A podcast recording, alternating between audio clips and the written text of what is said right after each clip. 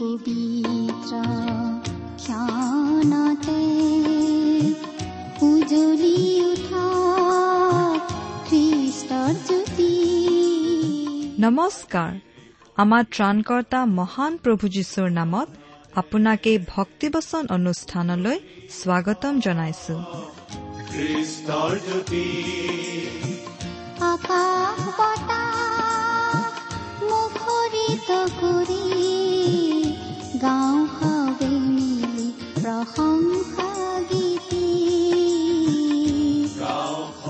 এয়া মুকলি কৰিছো ঈশ্বৰৰ জীৱিত বাক্যৰ ধাৰাবাহিক অনুষ্ঠান ভক্তি বচন। আপোনাৰ জীৱনত যদি শান্তি পাব বিচাৰে তেন্তে এয়া ঈশ্বৰৰ বাক্যৰ সান্তনা বাক্য ভক্তি বচন। গতিকে আহক আজিৰ শিক্ষা শুনো। মহান যিছু ভেটাৰ প্ৰণাম তোমাৰ গ্ৰহণ কৰাই ভক্তি বচন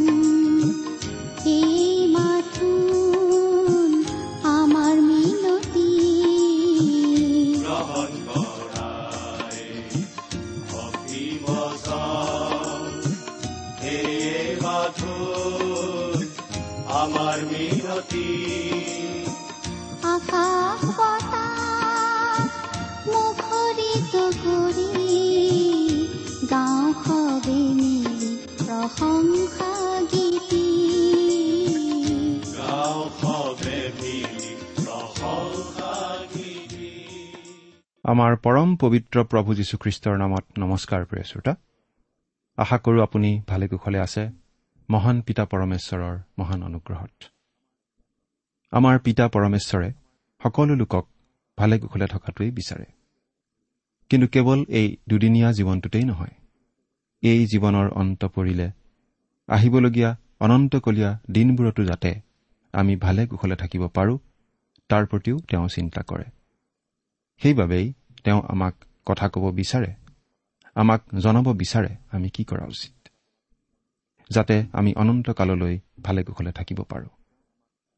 তেওঁ আমাক আজিও কথা কয় তেওঁৰ জীৱন্ত বাক্য বাইবেল শাস্ত্ৰৰ জৰিয়তে। সেই বাইবেল শাস্ত্ৰ অধ্যয়নৰ বাবেই আমাৰ এই অনুষ্ঠান ভক্তিবচন। আশা কৰোঁ আপুনি আমাৰ এই অনুষ্ঠান নিয়মিতভাৱে শুনি আছে।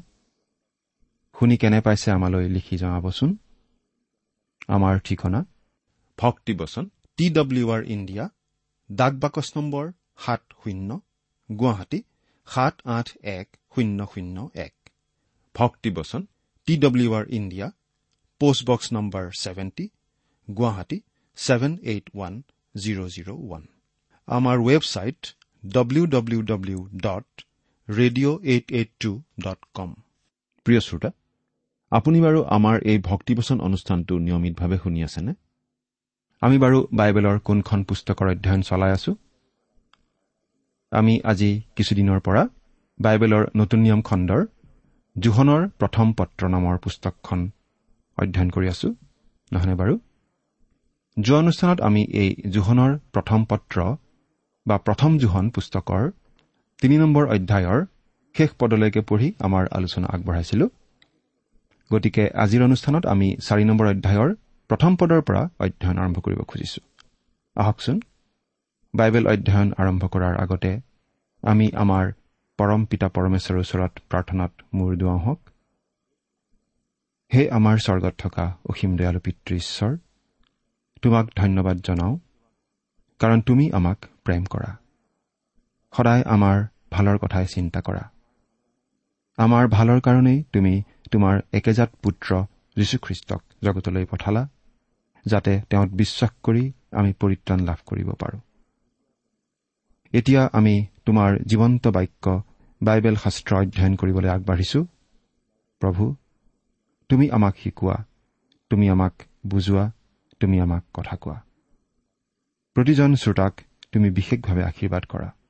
কিয়নো এই প্ৰাৰ্থনা আমাৰ বাবে ক্ৰুচত প্ৰাণ দি আমাৰ পাপৰ প্ৰায়চিত্ৰ কৰি তৃতীয় দিনা পুনৰ জি উঠি সোঁ শৰীৰে স্বৰ্গলৈ গৈ আমাৰ হকে নিৰন্তৰে নিবেদন কৰি থকা ত্ৰাণকৰ্তা প্ৰভু যীশুখ্ৰীষ্টৰ নামত অৰ্পণ কৰিলো। আমেন। আহকচোন প্ৰিয় শ্ৰোতা এতিয়া আমি বাইবেল অধ্যয়ন আৰম্ভ কৰোঁ হওক যোৱা অনুষ্ঠানত আমি প্ৰথম দুখন পুস্তকখনৰ তিনি নম্বৰ অধ্যায়ৰ শেষৰ পদলৈকে চালো।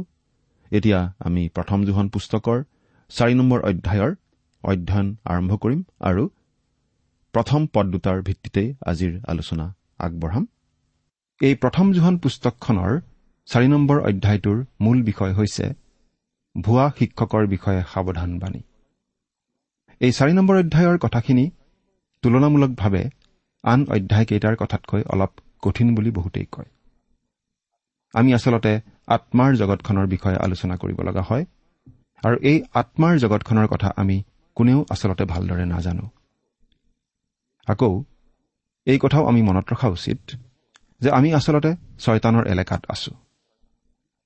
এজন বিখ্যাত বাইবেল পণ্ডিতে বুলি কৈছিল মই মণ্ডলীৰ পালকৰ কাম কৰি থাকোঁতে এই কথাটো প্ৰায়েই লক্ষ্য কৰিছিলো যে যেতিয়াই মই ছয়তানৰ বিষয়ে সজাগ কৰি সাৱধান কৰি দিবলৈ মণ্ডলীক শিক্ষা দিওঁ তেতিয়াই ছয়তানে কিবা নহয় কিবা প্ৰকাৰে সেই গীৰ্জা উপাসনাত বেমেজালিৰ সৃষ্টি কৰিব খোজে।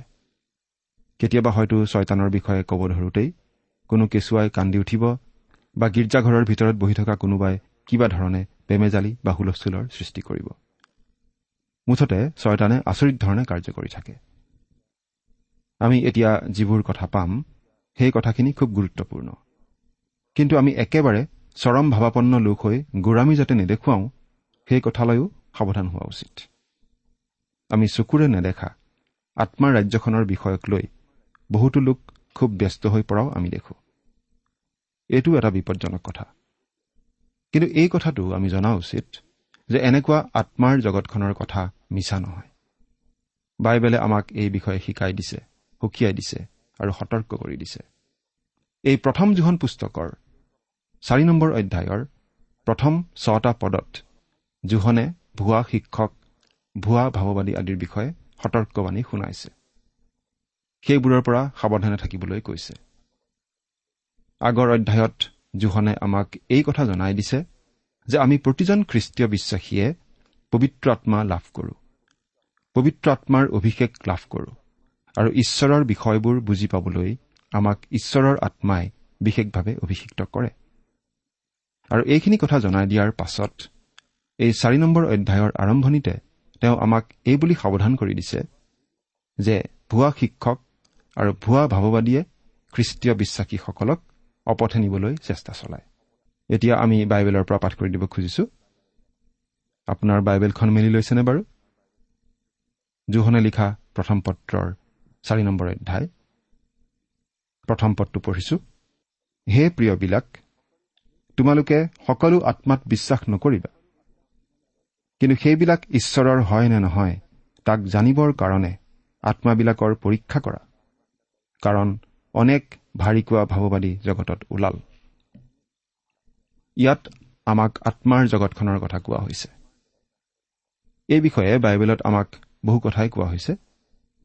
উদাহৰণস্বৰূপে আমি গীতমালা এশ চাৰি নম্বৰ গীতৰ চাৰি নম্বৰ পদত এনেদৰে পঢ়িবলৈ পাওঁ। যিজনাই বতাহবোৰক নিজৰ দূত আৰু নিজৰ পৰিচাৰকবিলাকক অগ্নিশিখাস্বৰূপ কৰে সেইজনা তুমিয়েই। এই শাস্ত্ৰপদৰ পৰা উদ্ধৃতি দি নতুন নিয়মত ইব্ৰী পুস্তকৰ লিখকে এনেদৰে কৈছে দূতবিলাকৰ উদ্দেশ্য হলে তেওঁ কয় তেওঁ নিজ দূতবিলাকক বায়ুস্বৰূপ আৰু নিজ সেৱকবিলাকক অগ্নিশিখাস্বৰূপ কৰে। ইব্ৰী প্ৰথম অধ্যায় সাত পদ। ইব্ৰী পুস্তকৰ প্ৰথম অধ্যায়টো পঢ়ি গ'লে আমি আকৌ এনেদৰে পঢ়িবলৈ পাওঁ। সেয়ে সকলো দূত পৰিত্ৰাণৰ অধিকাৰী হবলৈ উদ্যত হোৱাবিলাকৰ পৰিচৰ্যাৰ অৰ্থে পঠোৱা সেৱা শুশ্ৰূষাকাৰী আত্মা নহয় জানো?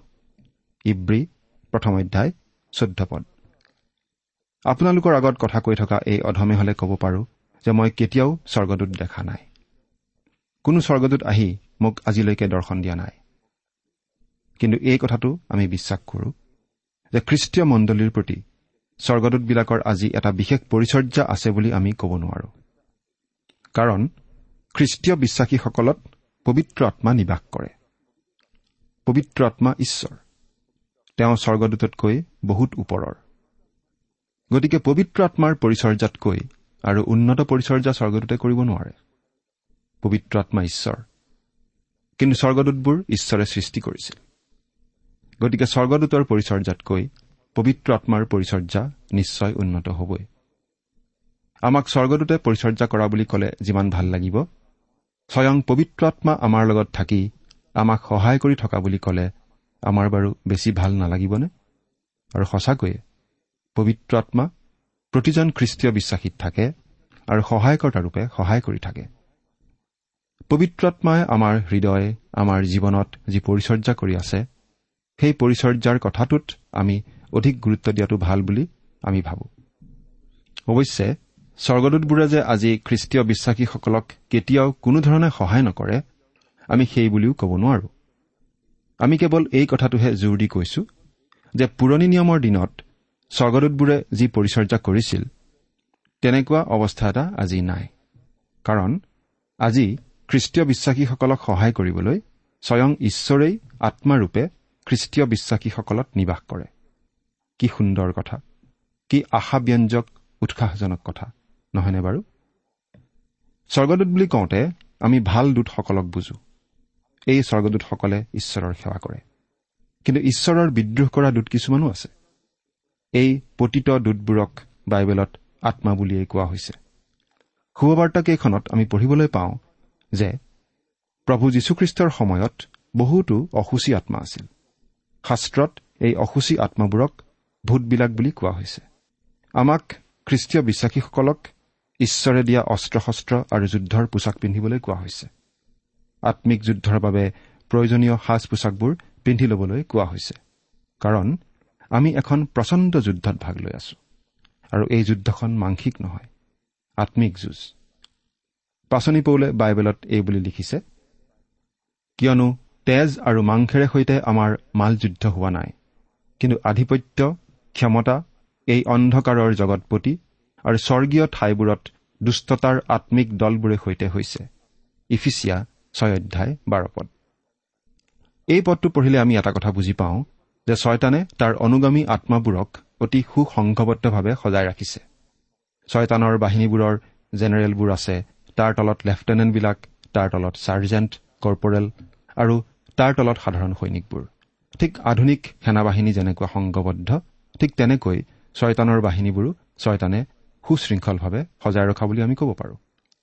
আৰু আমি ভাবোঁ ঈশ্বৰৰ লগৰীয়া স্বৰ্গদূতবোৰো তেনেদৰে সুসংগঠিতভাৱে ঈশ্বৰে সজাই ৰাখিছে।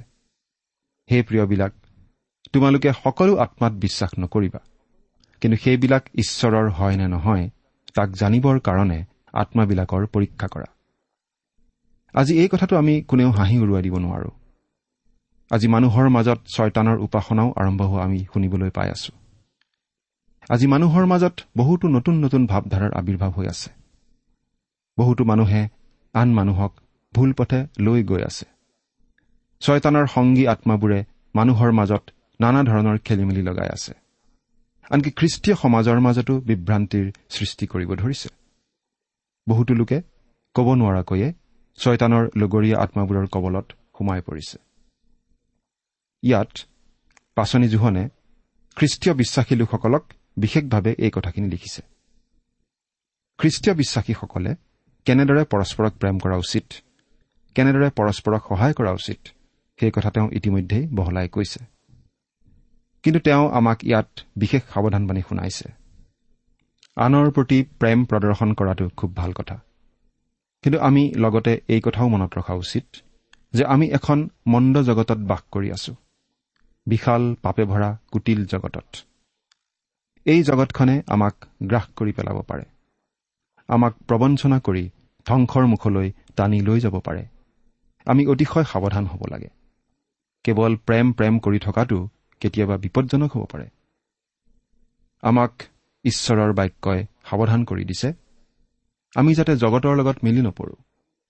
আমি প্ৰেম কৰোঁতেও সাৱধান হ'ব লাগে। পাচনি পৌলে প্ৰাৰ্থনা কৰিছিল যাতে ফিলিপিয়া লোকসকলৰ প্ৰেম জ্ঞান আৰু সুবিবেচনাতহে উপচি পৰে। অৰ্থাৎ আমি আনৰ প্ৰতি প্ৰেম প্ৰদৰ্শন কৰোঁতেও জ্ঞান আৰু সুবিবেচনাৰেহে কৰা উচিত। কোনো এজন লোক আহি নিজকে খ্ৰীষ্টীয় বিশ্বাসী বুলি ক'লেই আমি তৎক্ষণাত বিশ্বাস কৰি লৈ তেওঁৰ সংগ লৈ ল'ব নালাগে। কাৰণ তেওঁ প্ৰকৃততে খ্ৰীষ্টীয় বিশ্বাসী নহবও পাৰে। নিজকে খ্ৰীষ্টীয় বিশ্বাসী বুলি চিনাকি দিয়া সকলো লোকেই প্ৰকৃততে খ্ৰীষ্টীয় বিশ্বাসী নহবও পাৰে। সেইবাবে আমি ভালদৰে চাই চিতি ভাবি চিন্তিহে কোনো মানুহৰ বিশ্বাসত ল'ব লাগে। বহুতো মানুহে আকৌ খ্ৰীষ্টীয় বিশ্বাসীসকলৰ আন খ্ৰীষ্টীয় বিশ্বাসীৰ প্ৰতি থকা প্ৰেমৰ সুবিধা লৈ ঠগাবলৈ চেষ্টা কৰে। এবাৰ এজন প্ৰচাৰকে এটা গীৰ্জাঘৰত খ্ৰীষ্টৰ বাক্য ঘোষণা কৰি উঠাৰ পাছত এজন ডেকা আগবাঢ়ি আহি ক'লে আপোনাৰ লগত মোৰ অলপ কথা পাতিবলগীয়া আছিল। সেই প্ৰচাৰকজনে ডেকাজনক অকলে এঠাইত বহুৱাই খ্ৰীষ্টৰ শুভবাৰ্তাৰ কথা ক'বলৈ ধৰিলে। ডেকাজনে মন দি শুনি গ'ল। প্ৰচাৰকজনে বাইবেলৰ কিবা এটা পদৰ কথা ক'লে ডেকাজনে নিজে বাইবেল মেলি লৈ পঢ়ি চায় তেতিয়া ডেকাজনে ক'লে যে তেওঁ খ্ৰীষ্টক ত্ৰাণকৰ্তা বুলি গ্ৰহণ কৰিব খোজে। তেতিয়া সেই প্ৰচাৰকজনে ডেকাজনৰ সৈতে একেলগে আঁঠুলৈ প্ৰাৰ্থনা কৰিলে। ডেকাজনে একেবাৰে চকু পানী টুকি টুকি খ্ৰীষ্টক গ্ৰহণ কৰিলে। তাৰ পাছত দুয়োজন থিয় হ'ল। তেতিয়া প্ৰচাৰকজনে সুধিলে তুমি ক'ত আছা? খবৰ ভালনে? তেতিয়া ডেকাজনে ক'লে মই কথাটো ক'বলৈ অলপ বেয়া পাইছোঁ কিন্তু নক'লেও নহয়। মই এটা হোটেলত আছিলোঁ মোৰ সকলো বয় বস্তু হোটেলতে আছে। কিন্তু মই হোটেলৰ বিল দিব নোৱাৰাৰ কাৰণে বয় বস্তুবোৰ হোটেলৰ মানুহে ৰাখি থৈছে। মই মাত্ৰ তিনিশ টকাহে দিবলৈ আছে। তেতিয়া সেই প্ৰচাৰকজনৰ মৰম লাগি ডেকাজনক টকা তিনিশ দিলে। আৰু বিপদত পৰা নতুন ভাই এজনক এনেদৰে সহায় কৰিবলৈ পাই তেওঁ খুব ভাল পালে। কিছুদিন পাৰ হৈ গ'ল। প্ৰায় ডেৰ মাহমানৰ পাছত বাতৰি কাকতত ফটো ওলাল। সেই ডেকাজনৰ ফটো। ডেকাজনক পুলিচে গ্ৰেপ্তাৰ কৰিছে। সেই ডেকাজনে এনেদৰে বহুতো খ্ৰীষ্টীয় প্ৰচাৰক শিক্ষকক ঠগাই ঠগাই খাই আছিল। খ্ৰীষ্টীয় প্ৰচাৰকসকলক অতি সহজে ঠগাব পাৰি বুলি সেই ডেকাজনে জানিছিল। সেইবাবেই বাইবেলত আমাক কোৱা হৈছে সকলোকে তৎক্ষণাত বিশ্বাস কৰি নল'বলৈ। সকলো আত্মাকে বিশ্বাস কৰি ল'ব নালাগে। কিন্তু সেইবোৰ ঈশ্বৰৰ নে ছয়তানৰ? সেই কথা পৰীক্ষা কৰি চাবলৈ কোৱা হৈছে। পাচনি পৌলে ফিলিপিয়া খ্ৰীষ্টীয় বিশ্বাসীসকলক প্ৰেমত বৃদ্ধি পাবলৈ কৈছে। কিন্তু সেই প্ৰেম জ্ঞান আৰু সুবিবেচনাপূৰ্ণ হ'ব লাগে বুলি কৈছে। আমি আনক প্ৰেম কৰোঁতে সুবিবেচনাৰেহে কৰা উচিত। প্ৰেমপূৰ্ণ ব্যৱহাৰ কৰোঁতে সাৱধানে কৰা উচিত। ইয়াত জোহনে কৈছে সকলো আত্মাকে বিশ্বাস নকৰিবা কিন্তু পৰীক্ষা কৰি চাবা। যেতিয়া কোনো মানুহে আনক সুস্থ কৰিব পৰা নাইবা আনক কিবা অলৌকিক বৰ দিব পৰা ক্ষমতা পোৱা বুলি আমি শুনো তেতিয়া আমি অহেতুক উত্তেজিত হ'ব নালাগে। কোনো ব্যক্তিৰ যোগেদি কিবা অলৌকিক কাম হোৱা বুলি জানিলেই সেই কাম ঈশ্বৰৰ কাম বুলি আমি ধৰি ল'ব নালাগে। ছয়তানেও নানা ধৰণৰ আচৰিত কাম কৰি দেখুৱাব পাৰে। এইবুলি বাইবেলতেই কোৱা আছে। আনকি প্ৰয়োজনত ছয়তানে দীপ্তিময় দূতৰ বেগ ধৰে বুলি কোৱা আছে। ছয়তানৰ এজেণ্টে। আনকি খ্ৰীষ্টীয় প্ৰচাৰকৰ বেগ ধৰি ৰোগী সুস্থ কৰি বা নানা ধৰণৰ অলৌকিক কাম কৰি ফুৰিবও পাৰে। গতিকে আমি তৎক্ষণাত বিশ্বাস কৰি নলৈ পৰীক্ষা কৰি চাব লাগে সেই কামবোৰ ঈশ্বৰৰ পৰা হোৱা নে ছয়তানৰ পৰা হোৱা। কাৰণ জগতত বহুতো ভাৰিকোৱা ভাৱবাদী ওলাল। ভাৰিকোৱা ভাৱবাদীবোৰ ভুৱা শিক্ষক। এই ভাৰিকোৱা ভাৱবাদীবিলাকে ভুল কথা শিকাই মানুহক অপথে লৈ যায়। আজি আমি ভুৱা শিক্ষকৰ পৰা সাৱধানে থকা উচিত। শাস্ত্ৰত যিখিনি কথা কোৱা আছে তাতকৈ অধিক কথা কোৱা শিক্ষকৰ পৰা আমি সাৱধান হ'ব লাগে। কোনো এজন লোক আহি প্ৰভু প্ৰভু বুলি কথা ক'লেই আমি তৎক্ষণাত গ্ৰহণ কৰি ল'ব নালাগে। সেই মানুহজনে বাইবেলসন্মত শিক্ষা দিয়ে নে নাই সেই কথা আমি পৰীক্ষা কৰি জানি ল'ব লাগে। হাতত প্ৰকাণ্ড বাইবেল লৈ ফুৰা লোক হলেই বাইবেলৰ পৰা প্ৰকৃত অৰ্থত শিক্ষা দিয়া লোক নহবও পাৰে। কাৰণ ছয়তানেও দীপ্তিময় দূতৰ বেগ ধৰিব পাৰে। এতিয়া দুই নম্বৰ পদটো পঢ়ি দিছো। ইয়াত এনেদৰে লিখা আছে তোমালোকে ঈশ্বৰৰ আত্মাক ইয়াৰে জানিব পাৰা। যীশুখ্ৰীষ্ট যে মাংসত আহিল ইয়াক যি সকলো আত্মাই স্বীকাৰ কৰে সেই সকলো আত্মা ঈশ্বৰৰ। আমি ঈশ্বৰৰ আত্মা কেনেদৰে চিনি পাব পাৰোঁ? জোহনে আমাক উপায়টো ইয়াতে দি দিছে। প্ৰভু যীশু মানুহৰূপে এই জগতলৈ আহিছিল বুলি স্বীকাৰ কৰা আত্মাই ঈশ্বৰৰ আত্মা। প্ৰভু যীশুৱে প্ৰায় দুহেজাৰ বছৰ আগতে মানুহৰূপে জন্মগ্ৰহণ কৰিছিল। আৰু সেইটো মূল কথা। তাতেই আৰম্ভণি। প্ৰভু যীশুৱে বৈতলেহেমত জন্ম লৈছিল। তেওঁ মানুহৰূপে জন্ম লৈছিল। কালবাৰীৰ ক্ৰুচ আৰু তেওঁৰ খালী কবৰ অৰ্থহীন যদিহে প্ৰভু যীশুৱে মানুহৰূপে জন্মই লোৱা নাছিল। যদিহে তেওঁ নিজৰ বিষয়ে কৰা দাবীবোৰ সত্য নহয় তেন্তে বাকী সকলো কথা অৰ্থহীন। যদিহে তেওঁ নৰৰূপী ঈশ্বৰ নহয় তেন্তে বাকী সকলো কথা অৰ্থহীন। ভুৱা শিক্ষকসকলক আমি চিনি পাব পাৰোঁ কাৰণ ভুৱা শিক্ষকবোৰে প্ৰভু যীশুৰ ঈশ্বৰত্বক অস্বীকাৰ কৰে। প্ৰভু যীশুক ঈশ্বৰ বুলি মানি নলয়। তেওঁলোকে অৱশ্যে প্ৰভু যীশুৰ বিষয়ে সুন্দৰ সুন্দৰ কথাই কয়। তেওঁবিলাকে প্ৰভু যীশুৰ মানৱীয় দিশটোৰ কথা হয়তো বহলাই কয়। হয়তো প্ৰভু যীশু এজন নিৰ্ভীক সমাজ সংস্কাৰক বুলি প্ৰশংসা কৰি কয়। এজন প্ৰখৰ বুদ্ধিসম্পন্ন ধৰ্মপ্ৰচাৰক বুলি কয়। বা হয়তো ঈশ্বৰৰ প্ৰতি থকা বিশেষ চিন্তাৰে উদ্বুদ্ধ লোক বুলি কয়। হয়তো ঈশ্বৰ সম্বন্ধে তেওঁ বহুতো কথা জনা বুলিও বহুতো লোকে মানি লয়। প্ৰভু যীশুক তেওঁলোকে হয়তো ছুপাৰ ষ্টাৰ বুলিও কয়। তেওঁলোকে প্ৰভু যীশুৰ বিষয়ে খুব ভাল ভাল কথা ক'ব পাৰে। কিন্তু প্ৰভু যীশু যে মানুহ ৰূপত অহা ঈশ্বৰ সেই কথাটো এই ভুৱা শিক্ষকসকলে কেতিয়াও মানি নলয়। প্ৰিয় শ্ৰোতা পাচনি জোহনে তেওঁ লিখা শুভবাৰ্তাখনত বাক্যৰ কথা কৈছে। বাক্য এই বাক্য বাৰু কোন? এই বাক্য স্বয়ং ঈশ্বৰ। এই বাক্য সকলোৰে সৃষ্টিকৰ্তা। পাচনি জোহনে লিখিছিল আদিতে বাক্য আছিল আৰু সেই বাক্য ঈশ্বৰে সৈতে আছিল আৰু সেই বাক্যই স্বয়ং ঈশ্বৰ। সেই বাক্য মাংস হ'ল অৰ্থাৎ মানুহ ৰূপত আহিল কত? বৈতলেহেমত। প্ৰভু যীশুখ্ৰীষ্টৰ নৰৰূপ ধাৰণৰ জৰিয়তে সেই বাক্য মাংস হ'ল। প্ৰভু যীশুখ্ৰীষ্ট তাতেই জন্মিল বৈতলেহেমত। তেওঁ মাংস ৰূপত অহা বাক্য। তেওঁ মানুহ ৰূপত অহা ঈশ্বৰ। তেওঁ অনাদি অনন্ত। কিন্তু ভুৱা শিক্ষকসকলে এই কথাটো মানি ল'বলৈ টান পায়। প্ৰভু যীশু যে নৰৰূপত অহা ঈশ্বৰ সেই কথাটো তেওঁলোকে গ্ৰহণ নকৰে। পাচনি জোহনৰ দিনতেই গ্নষ্টিক বুলি কিছুমান লোক ওলাইছিল। এই গ্নষ্টিকবোৰে প্ৰভু যীশুৰ বিষয়ে কিছুমান ভুল কথা মানুহবোৰৰ মাজত প্ৰচাৰ কৰিছিল মানুহবোৰক শিকাইছিল। সেই গ্নষ্টিকবোৰৰ শিক্ষাৰ পৰা সাৱধান কৰি দিবলৈকে আচলতে পাচনি জোহনে এই কথাবোৰ লিখিব লগা হৈছিল। বাইবেলে আমাক শিকায় যে প্ৰভু যীশুখ্ৰীষ্ট ঈশপুত্ৰ তেওঁৰ জন্ম আছিল অলৌকিক। তেওঁৰ ক্ৰুচীয় মৃত্যু আছিল মানৱৰ মুক্তিৰ অৰ্থে। আৰু তেওঁ তৃতীয় দিনা পুনৰ কবৰৰ পৰা জি উঠিছিল কাৰণ তেওঁ আছিল স্বয়ং ঈশ্বৰ।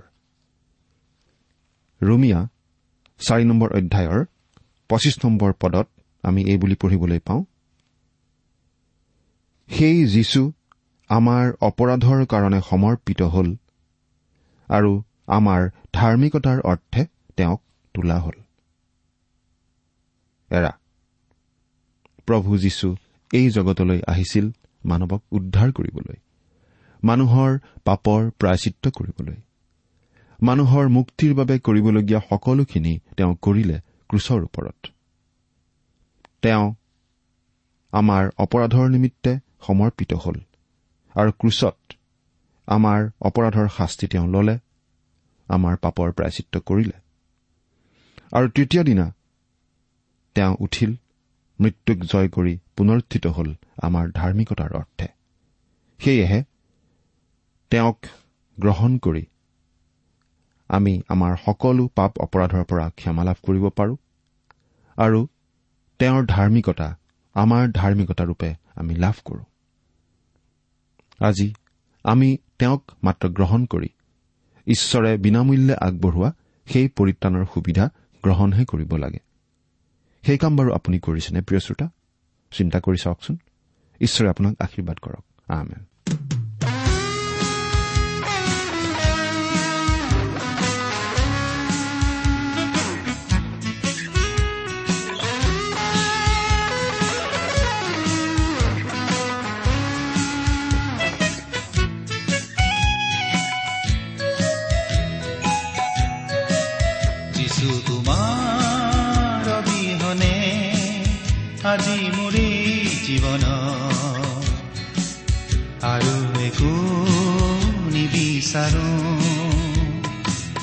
যিছু তোমাৰ অবিহনে আজি মোৰ এই জীৱন। আৰু একো ইমান পৰে আপুনি ভক্তিবচন অনুষ্ঠানটি শুনিলে। এই বিষয়ে আপোনাৰ মতামত জানিবলৈ পালে আমি নথৈ আনন্দিত হ'ম আমি প্ৰস্তুত কৰা বাইবেল অধ্যয়নৰ আন চিডিসমূহ পাব বিচাৰিলেও আমালৈ লিখক। অনুষ্ঠানটি শুনি কেনে পালে আমালৈ চিঠি লিখি জনাবচোন। অনুষ্ঠানত প্ৰচাৰ কৰা কোনো কথা বুজিব লগা থাকিলেও আমালৈ লিখক। আমাৰ ঠিকনা? ভক্তিবচন ট্ৰান্স ৱৰ্ল্ড ৰেডিঅ' ইণ্ডিয়া ডাক বাকচ নম্বৰ সাত শূন্য গুৱাহাটী সাত আঠ এক শূন্য শূন্য এক। ঠিকনাটো আৰু এবাৰ কৈছো ভক্তিবচন ট্ৰান্স ৱৰ্ল্ড ৰেডিঅ' ইণ্ডিয়া ডাক বাকচ নম্বৰ সাত শূন্য গুৱাহাটী সাত আঠ এক শূন্য শূন্য এক। আমাৰ ইমেইল এড্ৰেছটো হৈছে S T T B at the rate radio' eight eight two dot com আমাৰ website W W W dot T W R dot in আপুনি টেলিফোনৰ মাধ্যমেৰেও আমাক যোগাযোগ কৰিব পাৰে আমাৰ টেলিফোন নম্বৰটো হৈছে শূন্য তিনি ছয় এক দুই ছয় শূন্য চাৰি ছয় সাত এক ফোন নম্বৰটো আকৌ এবাৰ কৈছো zero' three six one two six zero' four six seven one আজিৰ অনুষ্ঠানটি ইমানতেই সামৰিছো। ঈশ্বৰৰ শান্তি আৰু অনুগ্ৰহ আপোনাৰ লগত থাকক। ধন্যবাদ।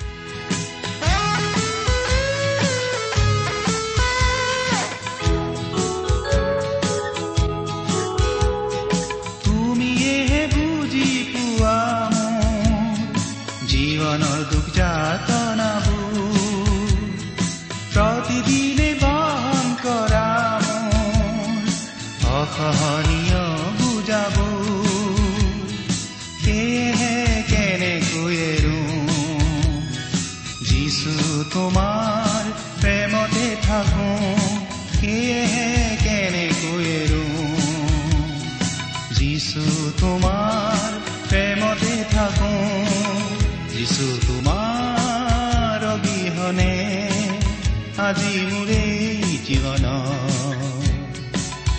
আৰু একো নিবিচাৰো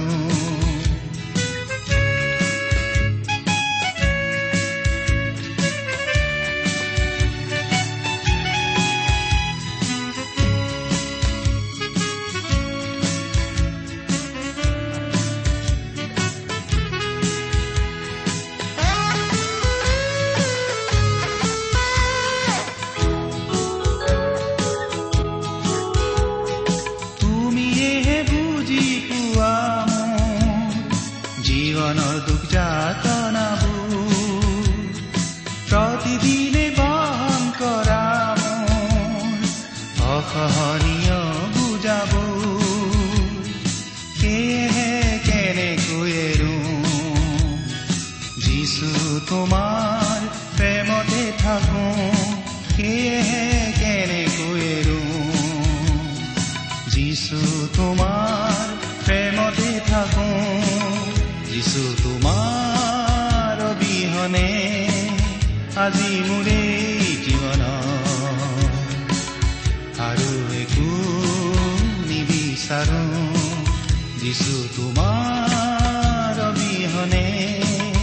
আজি মোৰ